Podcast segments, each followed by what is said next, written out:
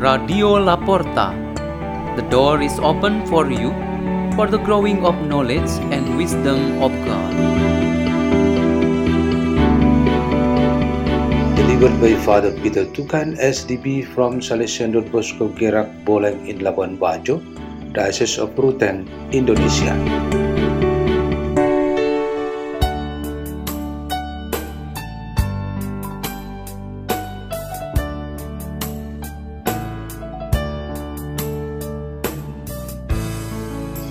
Reading and meditation on the Word of God on Tuesday of the 33rd week in Ordinary Time, November 21, 2023, Memorial of the Presentation of the Blessed Virgin Mary.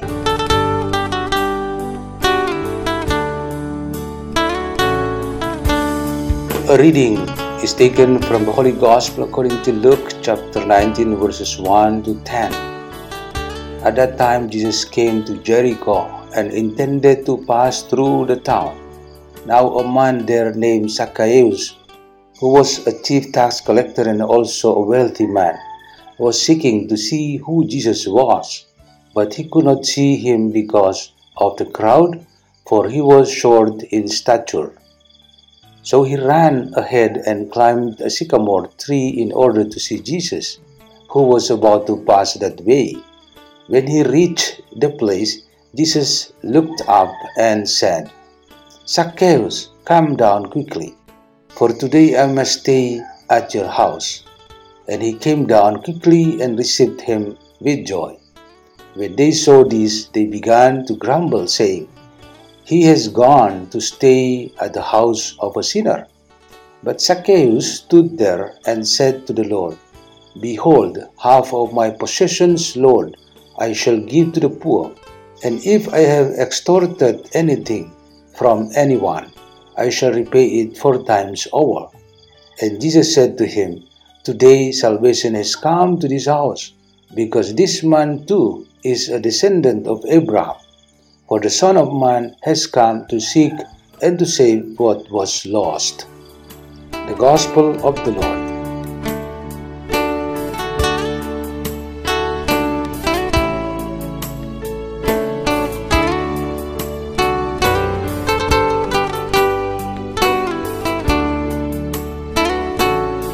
Our meditation today is the theme God comes to our hearts and homes. Today, the entire church commemorates the presentation of the Blessed Virgin Mary to God. We do not find this event in the Holy Scriptures, but it is part of the sacred historical heritage of the church. The little child Mary was presented in the Holy Temple of God, and should we see this as a continuation of the special gift to her being conceived by the Holy Spirit without any stain of sin.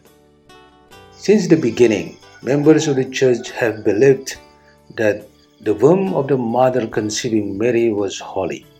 Born holy, Mary must enter the womb of the communion of God's people marked by the house of the Almighty God. Mary then lived a life full of God's grace until she received the good news, gave birth to Jesus Christ, lived and suffered with Jesus, accompanied the church, and finally arrived at the moment when she was assumed into heaven. The house where Mary was presented is where God dwells.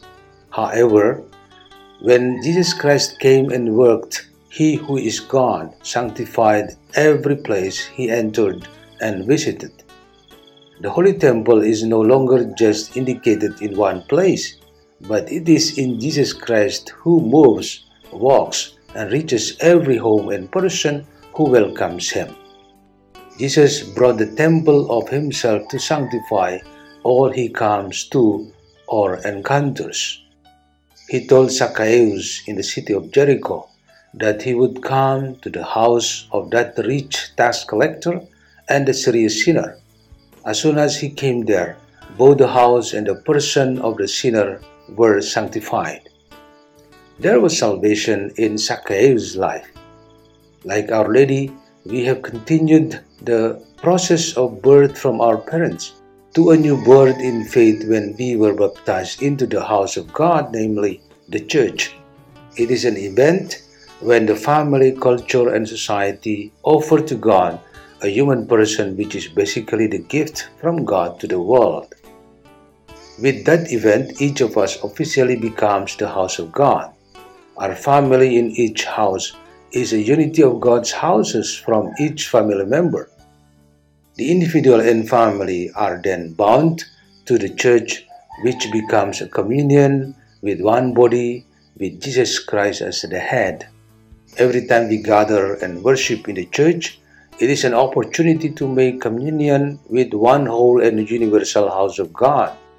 After doing together the worship, we return to our respective daily routines, remain in unity as God's people, and connected one to another. If we commit sin either big or small, either many or few, the unity of the house of God is disturbed or even injured Jesus will definitely pity us and with His power repair it by coming to both each person and family. We must accept Him and not to reject Him.